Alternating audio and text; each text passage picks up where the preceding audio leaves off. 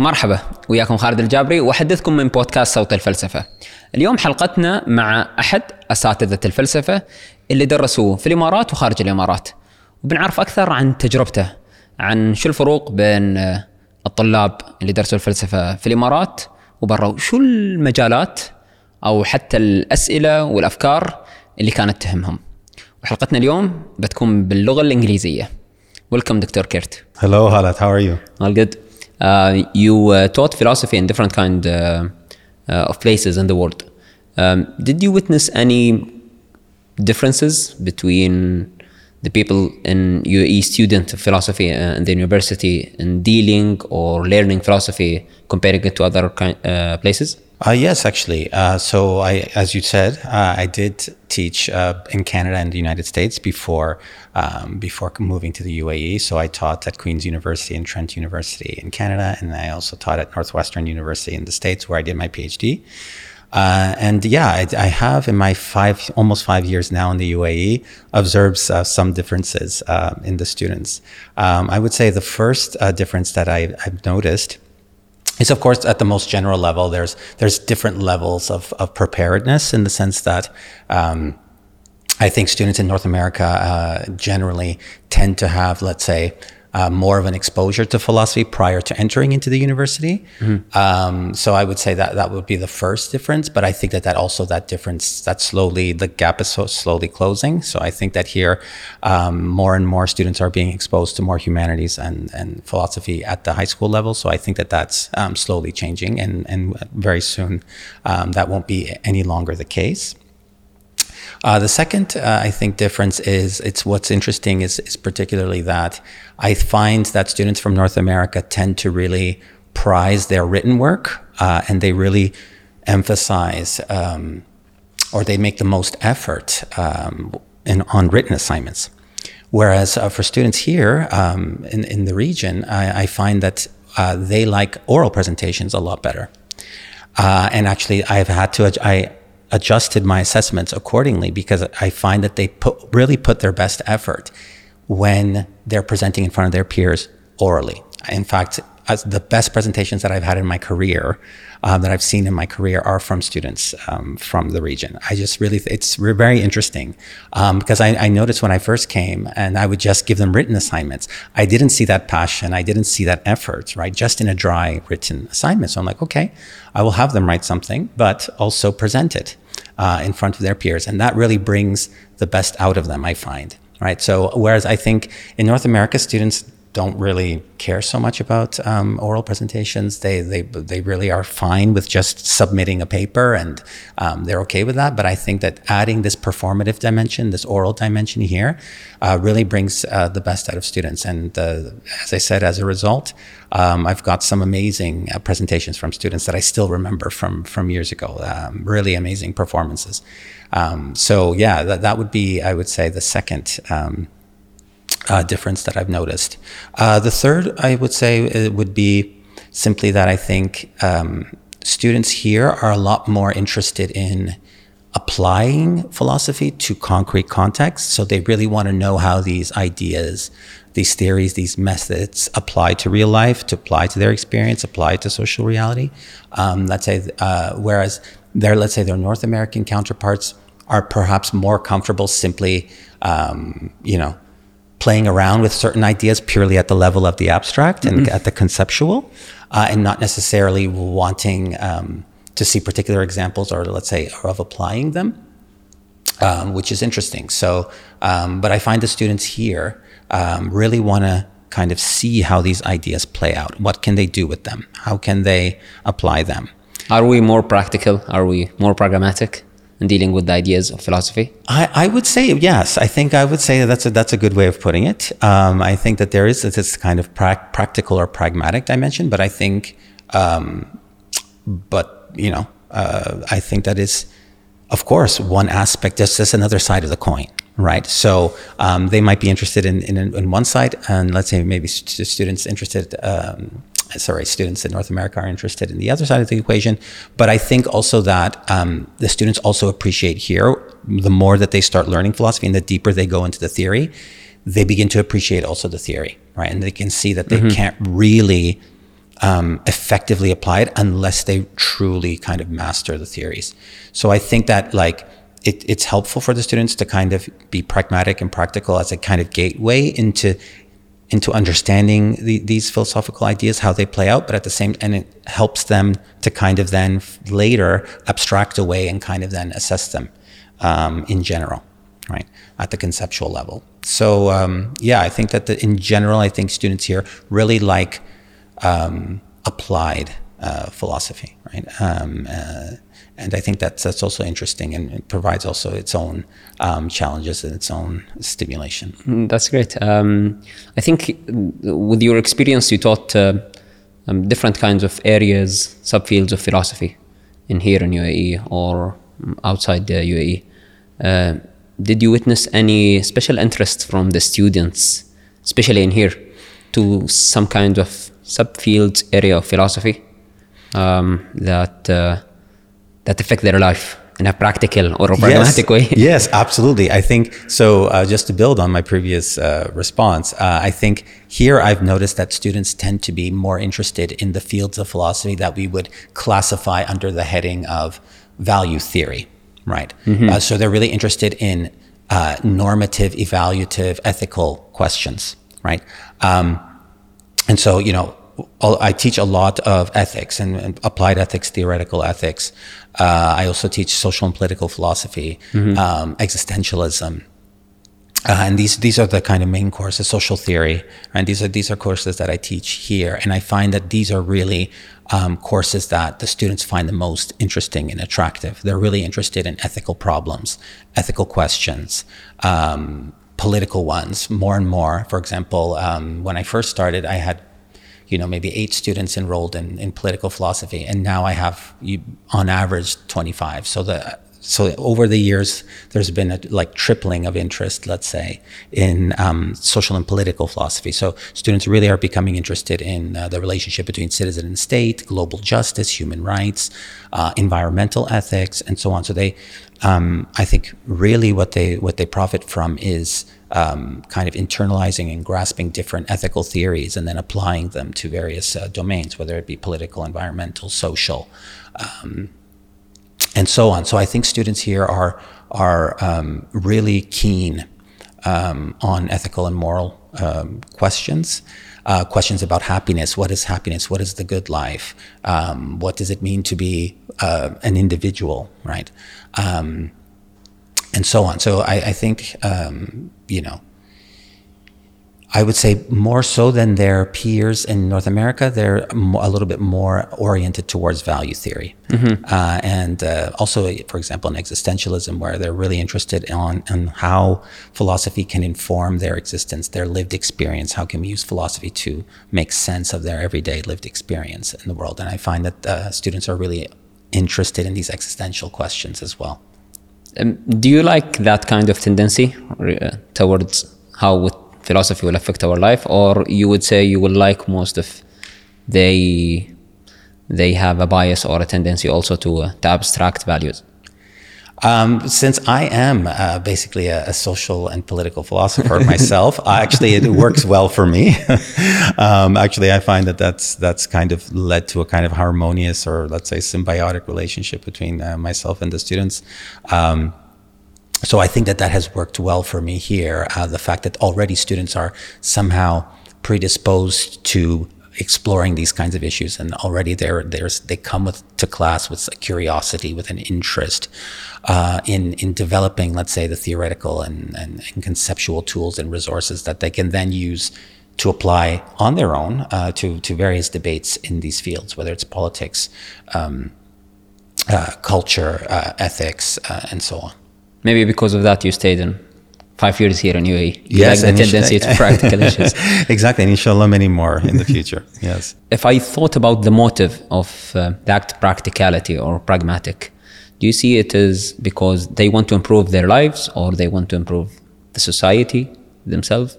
Is it um, does it come from a collective or individual point of view?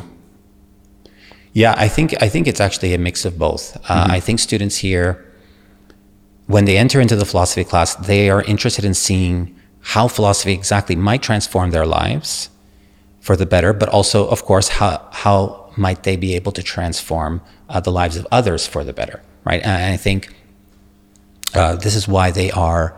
Uh, they tend to be very interested in these these um, ethical and moral issues, right? Because um, they want to see some. They they want some kind of guidance for their own lives, right? Because of course they're kind of at the threshold of adulthood, right? And and you know, um, after graduating, they're going to be contributing to society in all different fields. Uh, so of course, you know, they are interested in self development uh, and their own uh, the progress of their own character, let's say, and the development of their own character. But at the same time, I think they're keenly aware that they cannot divorce this at the same time from their relationship with others, right? Mm-hmm. So I think that um, they really do, um, they really are aware of the social dimension, right, of philosophy, and that. Um, you know, we are not islands unto ourselves, right? And so, um, if we develop our own character, let's say, if we develop our own um, our own critical thinking and independent thinking, this will only have a salutary effect on our relationship with others. So I do I do really do think that these two questions are intertwined, and mm-hmm. that our students really are interested uh, in both sides of the coin, so to speak. Um, the, the question uh, in my mind is, what are the demographics of the I would say the students? Are they mostly from which areas? I don't think they are all Arabs or all Arab speaking there are some kind of diversity. Oh yeah, uh, yeah, absolutely. I mean, at the, I think um, at the AUS, for example, we have over 90 nationalities uh, represented at the university, which okay. is one of the most diverse campuses in the world. Mm-hmm. So I, I, have students not just from the Arab world, um, but I have you know students from Asia, Southeast Asia. Uh, I also have, of, of course, um, students who are uh, daughters and, and sons of expatriates. Um, mm-hmm. Um, so they grew up here, but they're from various ethnicities and nationalities. Um, so yeah, there's there's, there's quite an interesting um, mix of students, uh, and I find that that is also one of the most uh, stimulating and interesting aspects of teaching philosophy here because you really get exposed also to various cultural backgrounds, and you get to see how these different cultural backgrounds play out in the students' views and their opinions and the way they think. Um, so I think that that's um, the demographics is also making it um, a very interesting uh, environment uh, to to do philosophy. Yeah, and it is to me. Um, my follow up question to that sure. would be.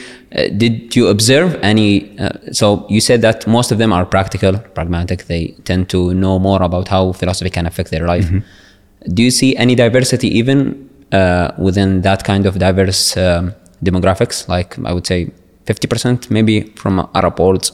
Mm-hmm. Uh, what about the other nationalities? Even if they are living here, do they have some kind of diverse uh, look into the philosophy, or all of them have that kind of uh, unity mm-hmm. in looking mm-hmm. into philosophy? Um, I would say that I, I think um, I would say that our the Arab students tend to be um, more interested, let's say, in or let's say they're more interested in ethical questions, ethics, um, I think that that is really, for example, uh, you know, it's interesting because um, Aristotle's ethics, for example, I would say uh, my my Arab students are the most interested, or f- they find Aristotelian ethics um, the most interesting. And whereas this is not the case in North America, and necessarily with with students from other uh, cultural backgrounds, and of course, I think part of it has to do with the fact of the, the influence of Aristotle in the Islamic tradition, for yes. example.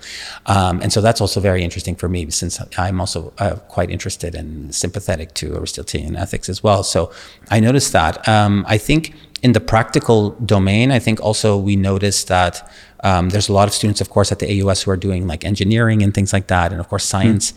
uh, scientific disciplines. So they're interested in how philosophy plays out, for example, in debates uh, on ethics and AI, for example, mm-hmm. right? So um, there's this interest in understanding um, what it means, what you know, what is consciousness, what is the nation, uh, nature of personhood, of course, in light of AI and robotics and all these um, developments. Uh, so I, I, I, think that, but in general, I would say that uh, on the whole, I don't think that there are radical differences between um, you know the Arab students and uh, the, the, students from the other backgrounds. But I just noticed that um, there are particular issues or particular philosophers that tend to resonate um, a little bit more with the Arab um, uh, students, and simply because, again, like for example, Aristotle uh, and Plato, and for example, and because there is this kind of reception, long-standing reception of Islamic philosophers engaging with ancient philosophy. So I think that there there's a lot of resonance between ancient Greek philosophy um, and uh, and uh, you know Arab culture as a whole. For me, uh, I would say I read a lot regarding with with contemporary philosophy or contemporary philosophers. You're saying to me right now that most uh, most students in the region would like the ancient philosophy. I don't know. I should be happy or not right now. well, here, that's the thing, right? Um, what I think it's important to realize is that um, a lot of, well, pretty much uh, most of the moral theories that we employ today, right, in in various domains, um, they're not new right? I mean, they derive from philosophers who died centuries ago, whether that's Kantian ethics, um, consequentialism, uh, or uh, Aristotle's virtue ethics. Aristotle's virtue ethics, yes, it's it's it's older, um, but you know we haven't really innovated all that much in terms mm-hmm. of our moral thinking. You know, um, since let's say the, the the Enlightenment period, right? So. Um, I think, and I, I, and this is something that I try to highlight with my students, is that when we do the history of philosophy, right, um, this is not just purely, um, we're not kind of turning these philosophers into museum pieces, right, to be preserved, but rather we're looking at what is it in their frameworks, what is it in their ideas and their, their methodologies and so on that continue to influence contemporary discourse and debates, right? Um, so I always kind of have this um, contemporary orientation, right? Because when we're interpreting, but, but not contemporary philosophers. No, of course, uh, contemporary philosophers as well. We, we do study that, and I, I do teach uh, contemporary philosophy. Uh, in fact, I'm doing this now. For example, I'm teaching a course on um, the reception of Martin Heidegger, for example, a 20th mm-hmm. century uh, philosopher in the Muslim world. Right, so I'm um, teaching that this semester. I'm very excited to, to that because, um, of course, um, you know, we are reading contemporary uh, philosophers from the Muslim world about how these ideas from Martin Heidegger, uh, one of the most important 20th century philosophers, have influenced uh, the Muslim world. So, kind of seeing this kind of East West um, dialogue in play and in action, right? And I think that's also something that students really resonate with and are really interested in um, to kind of juxtapose different traditions and to put them into uh, dialogue with one another, right? So, uh, I wouldn't be alarmed at all that students uh, has, have interest in in the history of philosophy. I think that's actually great um, because also uh, today, we are aware of uh, all sorts of, you know, uh, so-called um, gurus and philosophers who really don't have on social media and so on, who really don't have the qualifications uh, to claim that. But what they're basically doing is recycling old ideas from these philosophers, right? So unless you have studied these philosophers, you won't be able to identify the real from the counterfeit, right? So I think this is also um, you know it's it speaks well of the students that they that they you know are willing and, and are, are interested in going back to the to the ancients and going back to to the history of philosophy because it still continues to to influence the present and it still has a lot to say uh, about our, our, contemporary situation. If I want to go deep dive into the ideas that resonate with the, the student here, um, would you be able to mention what are the most important ideas that the student in philosophy um, engage with, uh, comparing it also to uh, other places in the world. Sure. Like I think um, you know, especially uh, one of the most, uh, let's say, uh, popular courses that I teach and that I think um, a lot of students uh, resonate with is existentialism. So um, a lot of the concepts from that tradition really do um, are very attractive to the students. Uh, for example, um, authentic, the, the, notion of authenticity. For mm-hmm. example, what does it mean to be an authentic subject, right? Um, what does it mean to live a kind of singular, individualized existence rather than simply, um, let's say, uh, living a kind of generic conformist kind of life, right? Mm-hmm. That doesn't really um, exhibit any kind of uh, distinctiveness or uniqueness, right? So, what does it mean to be authentic? What does it mean to be, let's say, true to yourself? What does it mean to be also an autonomous, self uh, determining individual as well? Mm-hmm. So, I think students are, are particularly interested in this kind of uh, nexus of questions of authenticity, freedom, self determination, uh, and so on. Um, of course, a, a, a, one concept that emerges in that context that I think students particularly like is, for example, the leap of faith of, of Kierkegaard, right? So um, they kind of like this, uh, or they, they, they're attracted to this notion of, of um, taking a leap of faith or, on, you know, um, which is a kind of active uh, way of crafting meaning in one's life, right? In, in, in in taking responsibility for the meaning of one's life, right? So um, they're really interested in this kind of nexus of, of uh, you know, authenticity, individuality, um, mm-hmm. um, freedom, self determination, responsibility. Um, and and these these terms, of course, come up in other contexts as well, in the political context and in the social context, uh, and so on. So we, we tend to explore them in, in, in various contexts. And again, it's also coming up uh, in my course on, on Heidegger and, and uh, Islamic philosophy as well. Um, so yeah, I think. Um, of course, students are also interested, as I mentioned, uh, in in all sorts of um, moral questions, right? So they're interested in, of course, um, virtue. What is virtue?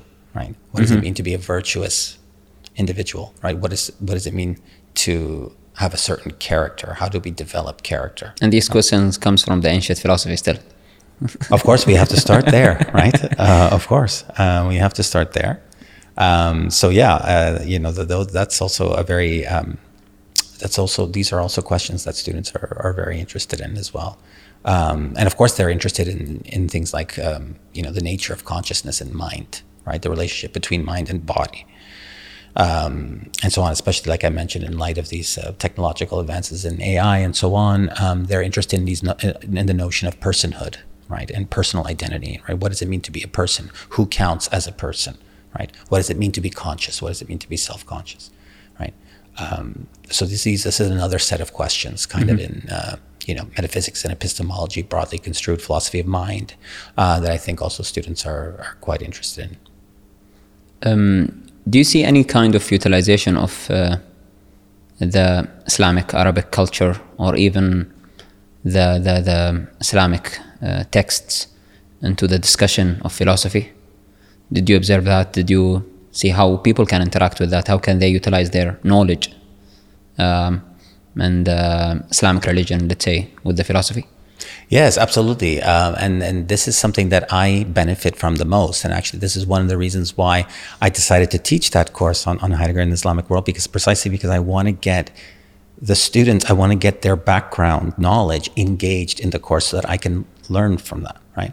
Uh, because they have expertise and knowledge that I don't have, right? So I can bring them the Heidegger, but they can also bring a dimension to the Heidegger that I can possibly bring bring to the table, right? So, one really good example in which they can they bring um, uh, religion uh, into the discussions uh, is, uh, for example, when when I when I'm doing ethics mm-hmm.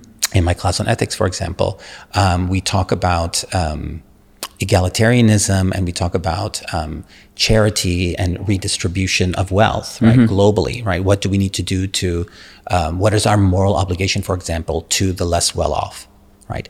Um, and of course, uh, in, in those contexts, for example, students bring up uh, all the time, and of course, rightly so, that, um, for example, in the, in, in the Islamic tradition, right, there is this practice of giving a certain percentage of one's income to charity. And this is what a lot of philosophers, moral philosophers, from, I mean, who are, uh, you know, writing from completely different perspectives and traditions, are advocating. So, Which we call zakah. Yeah, zakat. exactly, exactly, zakat. So um, this comes up. This is a perfect example, right, where students can kind of connect, right, their tradition with the contemporary discourse uh, in philosophy and see that, you know, um, they have something to say and they have something to contribute um, from their own backgrounds, and that and they they can contribute to a kind of cosmopolitan kind of global discourse on ethics, right? It's not just about, um, you know the validity of these ideas are not simply restricted to their own culture in principle, right? They can see that actually, no, it might have a much wider application. It might be something that other societies should adopt as well, right? Uh, and that we might, that we might um, adopt globally to solve these problems, right? So this is, this is a, a one wonderful example of how, um, you know, these, their own cultural background, their own religious background can contribute to the to the debates and the discourse in, in the class. I like that uh, the, the, way that the, the, the, the culture, the local culture can interact with the global questions. right? Absolutely. Um, would you like to share some kind of suggestions to the new learner of philosophy in here or globally? Uh, or some kind of books that you will suggest um, students or even viewers to read? Yeah, I mean, I, I, I first and foremost, I think I would suggest the following, namely that I think students should challenge themselves to read the original texts, right, and not to rely on other people to explain it for them. Uh, I try to always do this in all of my classes, even at the introductory level. I have them read the classics. I have them read Aristotle. I have them read Mill, Kant, and so on, right?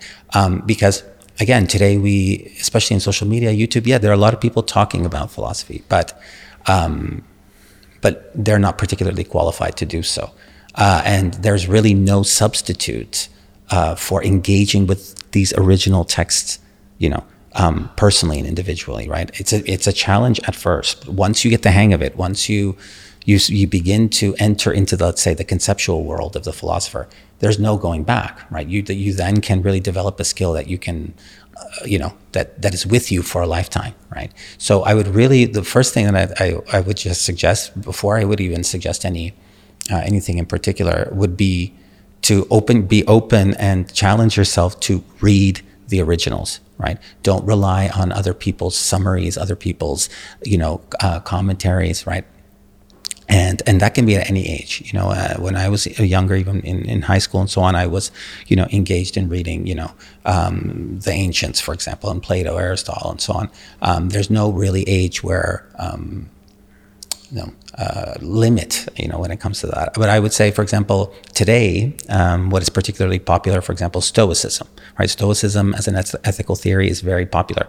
Uh, you know, you see it on YouTube and, and so on. There's a lot of videos, but there's really no substitute for reading, for example, Marcus Aurelius's Meditations, right? They're short, they're accessible, uh, and if you really want, uh, you know, self-help, um, and this is again a very hot topic these days, right? Um, there's really no substitute for reading um, the the original, the classics, uh, like Marcus Aurelius, for example. Thank you, Dr. Kurt. Thank you very much, Khaled. I appreciate it. I appreciate it.